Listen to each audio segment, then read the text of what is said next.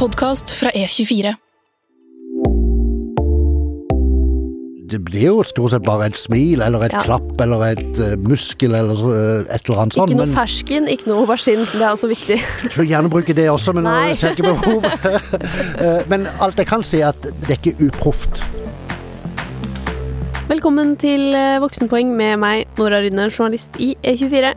I forrige episode snakket vi om produktivitet og hvordan unngå distraksjoner, eh, for det er jo fryktelig irriterende å føle at du kaster bort tid når du kunne gjort noe produktivt.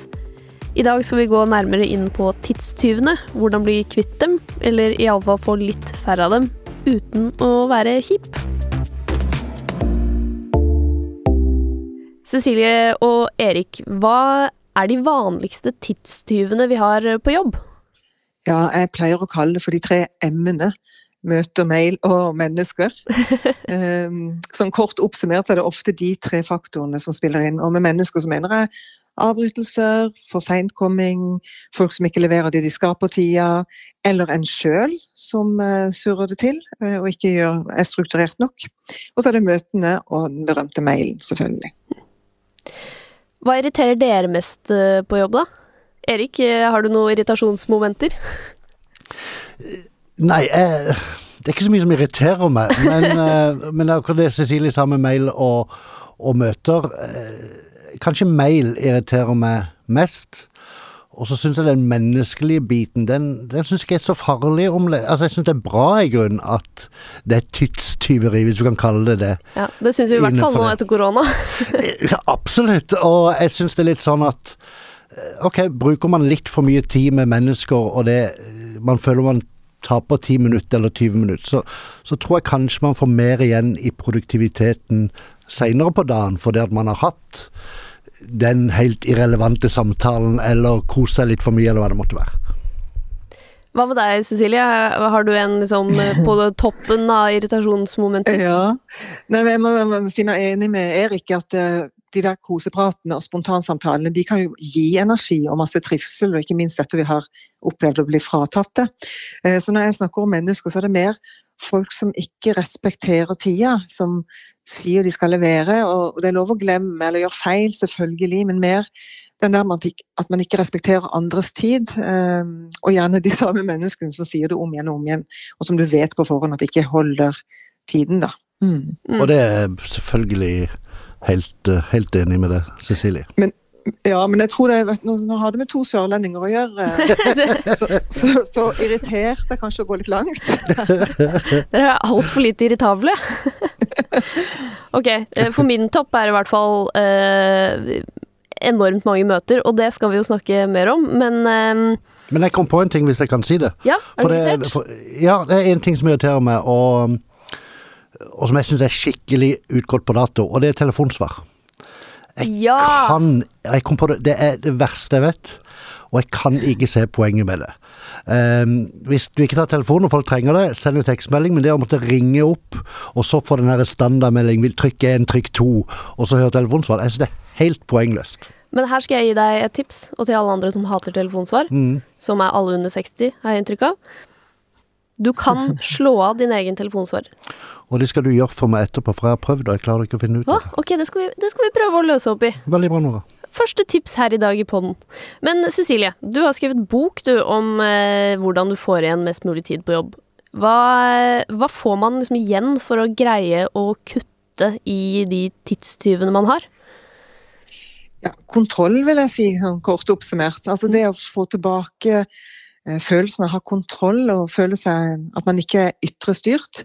Og veldig mange av de tidstyvene vi eh, har rundt oss, er jo gjerne selvpålagte. Altså det er vaner, eller rett og slett uvaner. Så eh, mitt beste tips for å få mer tid, det er å slutte å gjøre noe av det du gjør i dag. Altså kutte ut noe. Eh, Så får du tid til de eh, småpratene som Erik nevnte. Eh, Og en annen ting som, eh, som er kjempenyttig for å få vekk tidstyver, det er altså å kjøre tidsbuffere. At du hele tiden ligger et kvarter foran eh, ditt eget møte, f.eks. Så får du tid og kontroll. Mm. Ah, hva, hva mener du med det, eh, buffer? Jo, at uh, begynner du møtet ti, så kan du mentalt innstille deg på at det er kvart på ti. Sånn at du får Ja. tatt de telefonene, eller får unna de to mailene, eller løper og henter deg et eple, eller hva du nå trenger. Så du sitter jo ikke et kvarter og venter på møtet, men du får kontroll på tida di, framfor å si til folk rundt deg at uh, du er ledig fram til ti. Aha. Kvart på ti. Jeg tenker vi begynner eh, her med litt sånn konkrete tips, eh, flere konkrete tips på hvordan man eh, kutter i eh, en av de tre M-ene. Mail, e-post. Eh, Cecilie, hva er den perfekte e-post? Fins det en perfekt e-post? Gjør det Tom ikke det, da? Inbox, Ja. ja. Eh, nei, altså kort, konkret og spissa er vel tingen her. Og selvfølgelig vennlig.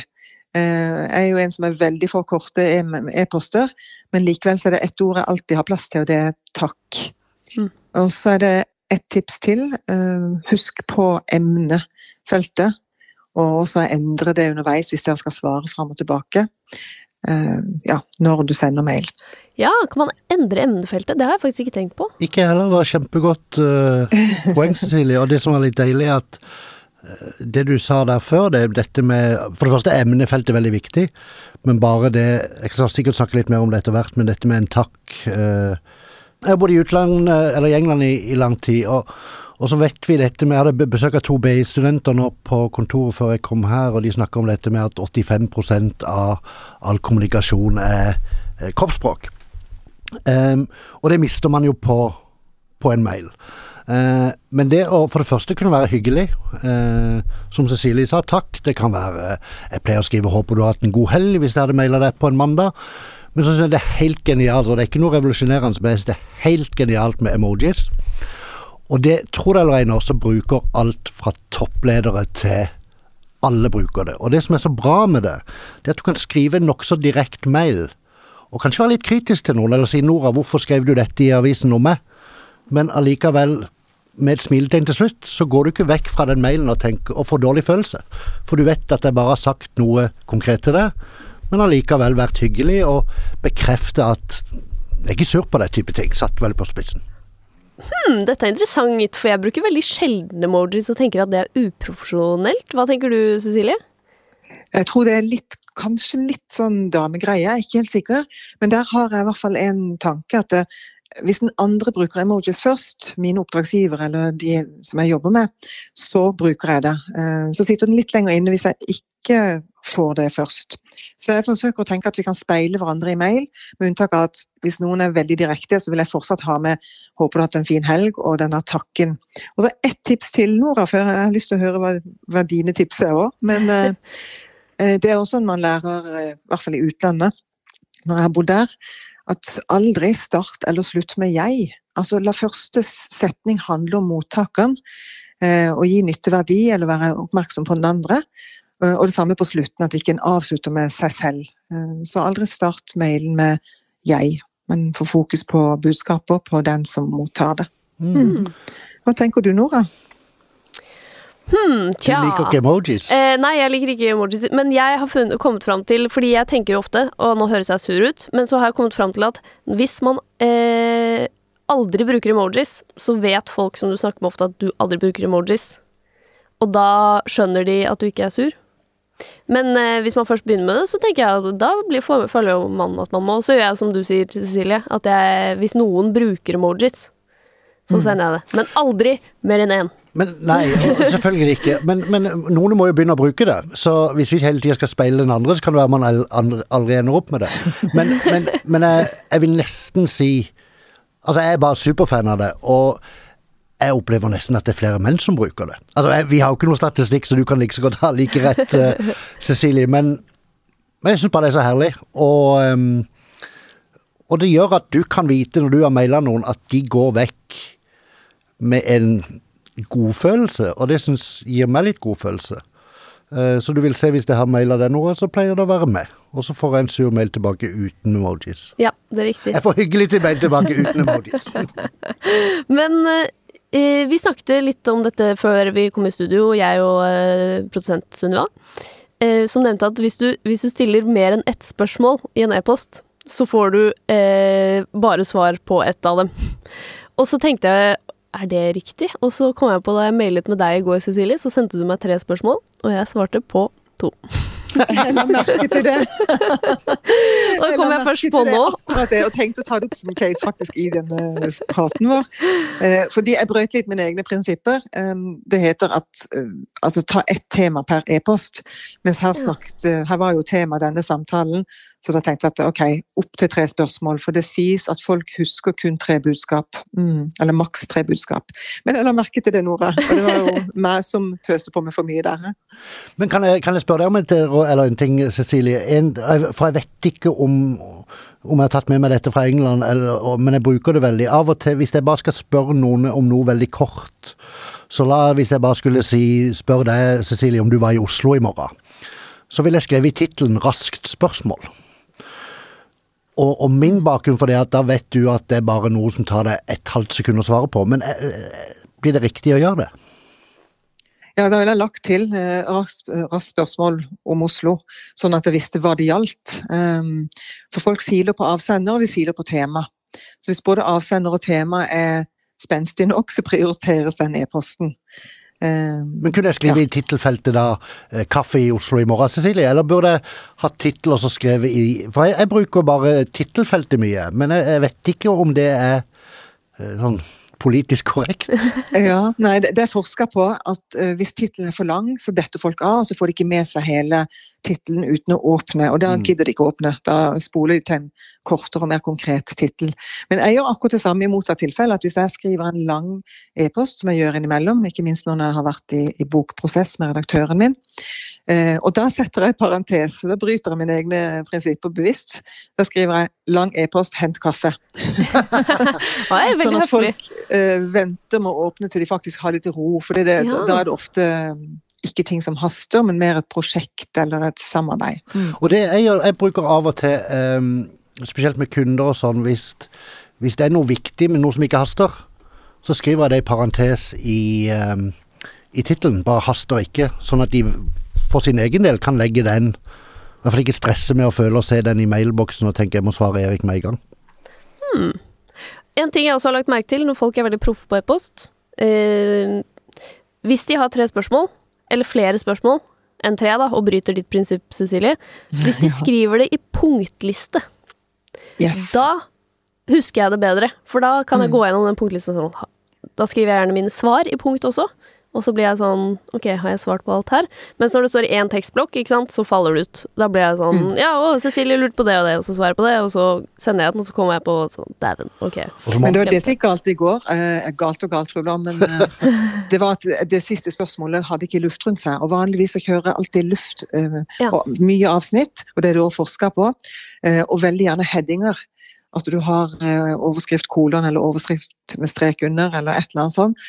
Og så masse luft, gjerne doble avsnitt imellom, hvis du har tre ulike ting du skal ta i én mail.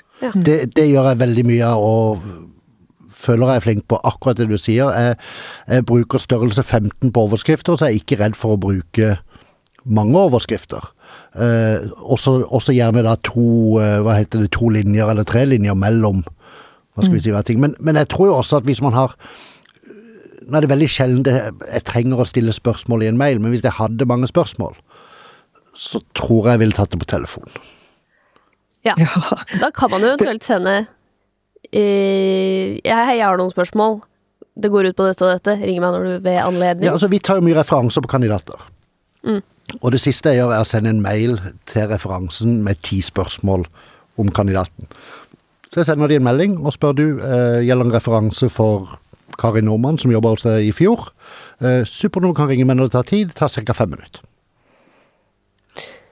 Ok, så hovedreglene. Presis tittel, og hvis du først må skrive en lang e-post, varsle om det. Den syns jeg var veldig bra. Og du kan bruke emojis hvis du føler for det, men ikke mange. Det blir jo stort sett bare et smil eller et Ja. klapp eller et uh, muskel eller eh, et eller annet sånt. Ikke noe men- fersken, ikke noe aubergine. Det er også viktig. Jeg vil gjerne bruke det også, men jeg ser ikke behov. Eh, men alt jeg kan si er at det, det, er, ikke, det er ikke uproft. Nei. Og jeg er helt sikker på toppledere i Jeg skal ikke nevne selskap, men i store selskap også bruker det. Mer og mer. Også mye spacing og headere og få fram temaet, og ikke for langt, hvis du kan unngå det. Mm. Da går vi videre på møter. Min favoritt. Cecilie, dette har du skrevet en del om. Hvorfor har vi så utrolig mange møter på jobb? Ja, det er noe av det jeg har jobba aller mest med, både i koronatiden, men også før det. Eh, det at møter er noe av det som eh, sliter folk mest ut. Og som er en stor eh, tidstyv, eller energisluk for mange.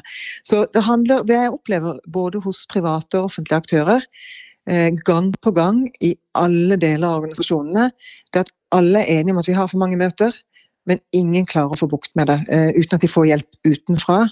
Uh, eller at noen tør å adressere det og ta det opp sånn skikkelig, at de får med seg en gjeng, og at de sammen sier at nå skal det endres.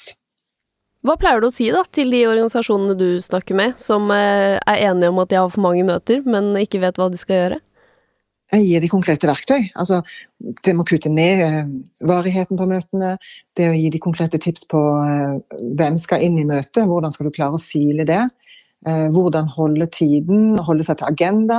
Og det finnes jo veldig enkle verktøy hvis en bare implementerer det og klarer å få det inn i møtekulturen sin. Så det har vært veldig heldig å få se gode resultater. Det er kjempegøy. For alle, alle syns det er for mange møter, med ett unntak. Og nå, nå banner jeg litt i kirka. Men toppledelsen det hender ganske ofte at de ikke syns det er for mange møter, fordi de ser ikke alle møtene som skjer på, eh, på mellomleder- og, og ansattnivå. Ja, for de er kanskje så heldige at de slipper litt unna med at alle tenker at de er jo så busy, så de trenger ikke å være med på alle møtene. ja, eller hvis en sier også at uh, hvis en adresserer at her er det mye for seintkomming til møter, og møtene går over tiden, uh, så er det topplederen som vil være uenig i det, fordi han eller hun får det ikke med seg. For er han eller hun til stede, så er de presise. Aha, så det handler litt Aha. om å sette seg i respekt også. en, en ting som jeg syns og igjen, om det er riktig eller ikke, men jeg, jeg ser det funker, det funker veldig godt for oss, men det funker for masse andre, spesielt kanskje innenfor tech-bransjen her i Oslo. Og spesielt når man jobber på sånn type kontorfellesskap og Mesh eller hva det måtte være. Det å bare unngå i grunn Vi har ikke interne møter, bortsett fra ett møte som er sånn salgsreview hver fredag. Men det kan godt være på kontoret at de syv eller åtte som er der, at vi bare tenker la oss ta ti minutter sammen og snakke om dette. Og vi flytter nettopp inn på, på nye kontorer. Og det vi trenger nå, er litt struktur på hvem som tar ned søpla og sånne ting, for vi er ikke kommet der hvor vi har leid inn vaskehjelp ennå. Men istedenfor å avtale et møte i kalenderen at nå skal vi snakke om planene rundt hvem som skal ta søpla, hvem som skal gjøre ditt, så tror vi bare en sånn fem minutter kaffe i, i sofaen, og så ble det gjort. Så da blir ikke det sånn tungt møte som Jeg hater bare å se kalenderen min at det ligger møter. Da vil jeg mye heller bare ta litt sånn på, på sparket, og det vet jeg i hvert fall her inne innenfor vår, eller tech-bransjen, det blir mye, mye mer av. Uh, om det er effektivt eller ikke, det vet kanskje du, Cecilie, men, uh, men uh, jeg syns det er veldig, veldig bra. Ja, jeg vet ikke om jeg vet det, for det, det, kommer jo veldig an på kulturen. Men det jeg vet, og det jeg opplever, det er at det er en veldig trend. Jeg har aldri sett det på de 17 årene jeg har jobbet med, med møtekultur og møteledelse.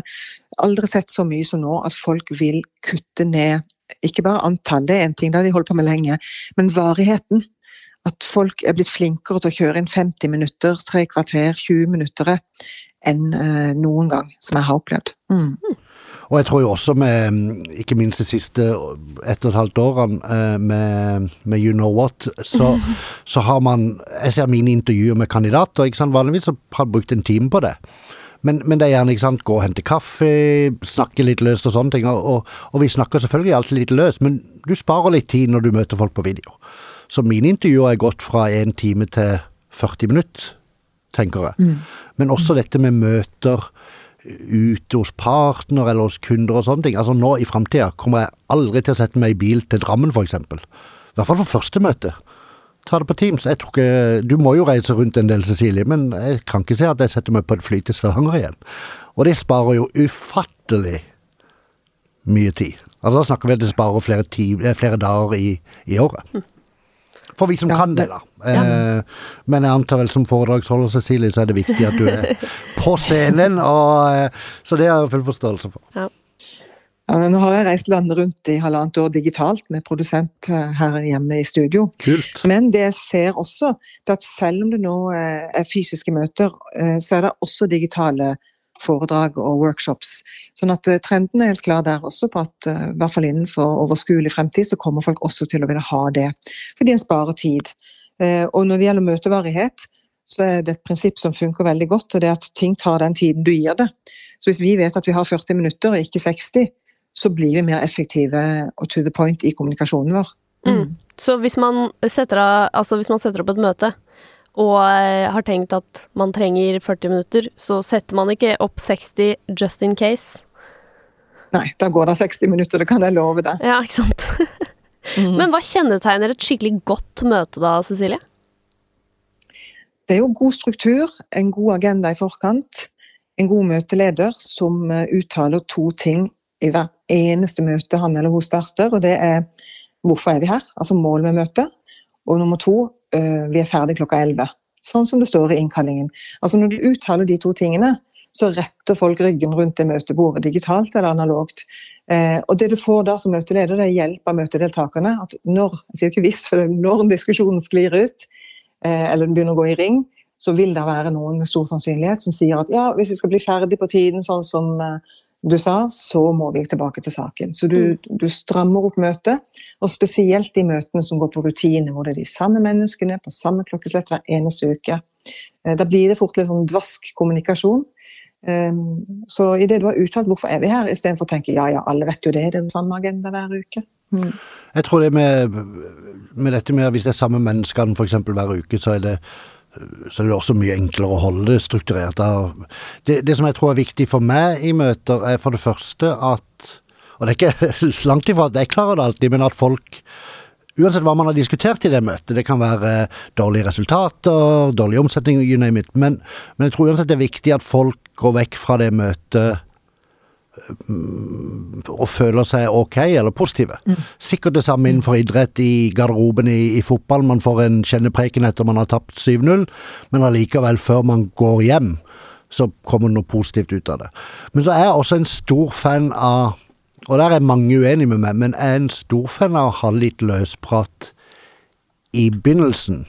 Eh, for jeg føler det varmer opp folk til å gjøre at alle i det møtet er mer komfortable med å være involverte i møtet. Eh, men som igjen tilbake til det Cecilie sa, hvis det er de samme folka hver uke, så tror jeg det ville jeg tenkt det er mer sånn rett på sak-møte, som Cecilie sa. Men, Holde til eh, at vi starter minuttet, og da ja, var man rett på men, agenda. Ja, men, eh, men, igjen, jeg tror veldig med dette på at hvis man har en litt sånn løs prat på begynnelsen, så gjør det det mer komfortabelt for de andre i møtet å bidra. Det er akkurat det samme i intervjuer hvis du var på et jobbintervju med oss hos meg, Nora, og ikke vi kjente hverandre, så ville, hvis vi hadde en løs prat i begynnelsen, så ville du nok vært mer komfortabel i intervjuet og, og vist mer av den, den, ekte Nora, på en måte. Mm. Men hvis man skal gjøre det på en god møteledermåte, så må man sette av tid til det. På en måte. Mm. At, at ja. det ikke sørger for at man går over tida. Eh, ja, man må være, på en måte være bevisst på at eh, fem over ti, så, så går vi ja. i gang. Men jeg pleier å legge inn fem-ti minutter i planen i det møtet, at vi skal slappe litt av og jeg skulle si kose oss litt, men bare mm. ja. Men eh, hvordan kommer man seg ut av et møte som man føler at man ikke må være på? For det tror jeg de fleste har erfaring med, at du blir kalt inn, og så er det sånn jaha, jeg har ikke så mye å bidra med her, men eh, siden jeg er invitert, så må jeg vel bare dukke opp. Nei. ja, for mener, mener, du hvordan man kommer ut av møtet når man har gått inn i møtet, eller mener du hvordan man går på forhånd og spør, spør pent holdt jeg på å si om kan jeg slippe? La oss, eh, Jeg lurer egentlig på begge, men la oss begynne med den der du ser Jeg skulle gjerne hatt de 40 eh, minuttene til å jobbe med noe annet. Jeg føler ikke at jeg trenger å være her. Ja, Der har jeg et veldig konkret tips, eh, og, som, og, som, brukes mye. Og det er at Bare husk å være vennlig når du bruker det. Eh, og så, Hvis du er i tvil om du burde vært der, om det er dårlig tidsbruk og, og sløsing med tid, så spør du møteinnkaller. Bare husk på å ikke være hard i målet. Trenger jeg å være her òg? ja, jeg ser du har kalt meg inn til det møtet på mandag. Hva har du tenkt at er min rolle? Hva har du tenkt jeg kan bidra med? Da får du en av to ting. Da får du enten et sånt det norske møteinkluderingsprinsippet veldig hyggelig, men ikke veldig effektivt. Og det at du får til svar at ja, nei, jeg tenkte bare du ville kunne være med og høre litt hva som skjer. Det betyr at du er fritatt, du kan styre tida sjøl. Eller så får du en helt konkret oppgave. At jo, jeg tenkte at du har erfaring med tilsvarende prosjekt, så vi vil gjerne høre din erfaring og innspill på det. Og da får du en helt konkret oppgave og kan stille forberedt og oppleve at du bidrar med verdi. Jeg tenker hvis, hvis jeg har innkalt et møte eller eller blitt innkalt sjøl og føler kanskje at de ikke skal være med, jeg bare spør pent og sier du, er det greit at de ikke er med på, på grunn av så og så? Og så tenker jeg det siste året, hvis du sitter i et møte og vil komme ut, så er det jo bare å si at ikke du smaker eller lukter kaffen din og begynner å hoste litt, så sender de deg rett ut sjøl. Men jeg har ikke noen tanker om hvordan man skal Jeg vet ikke hvordan jeg skulle komme meg ut av et møte som jeg, som jeg var i, uten å nesten kom opp med en løgn at Oi, der ringte telefonen, eller ja, eller omtrent binderhoste. Jeg vet ikke om du har noe Jeg er i en tunnel. ja, uh, ja, jeg er i en tunnel. Jeg vet ikke hva du tenker, Cecilie, hvordan man kan stå opp og, og gå ut. Ja, liksom, hvis, du først, hvis du ikke har gjort det der, da, spurt møteleder eh, hva skal jeg her? Du har tenkt bare sånn, jeg har sikkert noe her å gjøre, og så begynner noen å snakke, og så skjønner du at sånn, å gud, her trenger ikke jeg være. Dette er kjedelig og uh, meningsløst. Kjør strategi, Cecilie. ja, strategi. Jo, eh, min salige mor lærte meg at du skal ikke lyge, men du trenger ikke alltid å si hele sannheten heller. Um, så der må man trene inn noen triks, tenker jeg. Eh, altså en sjargong, en ordlyd. Og sitter du der og føler du kaster bort din tid, så kaster du sannsynligvis bort arbeidsgivers tid også, så da er det fint at du kommer deg ut. Og det kan du gjøre. Du sitter jo en stund, selvfølgelig. Eh, og så kan en komme med en sånn en jeg har noe som haster. Eh, jeg har noe jeg må håndtere. Og vi har alltid noe vi må håndtere på jobben. Eh, kunstner unngår å si hva. For da, da, kjører du deg opp i en løgn eller et hjørne som i hvert fall ikke jeg har lyst til å være i. Men eh, oi, jeg har noe jeg må håndtere. Jeg har meg unnskyldt. Mm. Men det jeg sier, og, og det, det hvis det faktisk er sannheten, hvis jeg skal ha et møte, det var på video eller i møte, og hvis det kan dukke opp noe viktig som gjør at jeg må forlate det møtet, det kan f.eks. nå når vi har flytta kontor, så har jeg fått ufattelig mange leveringer fra Post Nord hjemme. Og hvis jeg har et, et møte klokka ti, og plutselig så vet jeg at det kan komme noe fra Post Nord, så ville jeg sagt i begynnelsen av det møtet du, hvis det ringer på døra, så må jeg gå ned og ta den. Og det går alltid fint. Så hvis jeg har en følelse at noe kan, eh, kan dukke opp som jeg ikke Som jeg må prioritere, så sier jeg det bare på, på forhånd. Bare sånn helt, helt åpent og ærlig. Hvis det er lov å lyve, ja. For denne her Nei, men da lyver jeg ikke. Altså, da, da nei, kommer PostNord. ja, ja, men jeg bare tenkte sånn Du kan jo også bruke det som Som en helgardering-type ting. Det trenger ikke å være eh, For det jeg pleier å gjøre noen ganger, som jeg føler at er litt frekt Nå avslører jeg meg selv, men noen ganger, hvis jeg føler at sånn Jeg har dårlig tid, jeg må komme meg ut Jeg gidder ikke å forstyrre alle med å stille meg opp og være sånn Jeg må gå! Så eh, later jeg som det skjer et eller annet på mobilen min. Ofte skjer det jo faktisk noe på mobilen min. Så leser jeg det veldig intenst. Og så reiser jeg meg opp, og så peker jeg sånn på mobilen. Og så på døra, og så går jeg. Og da er liksom Men den der peke på mobilen sånn, er litt sånn klisjé, sånn, men uh, Ja, jo, men da illustrerer jeg at sånn Det skjedde noe uforutsett som jeg må deale med nå. Skuespill?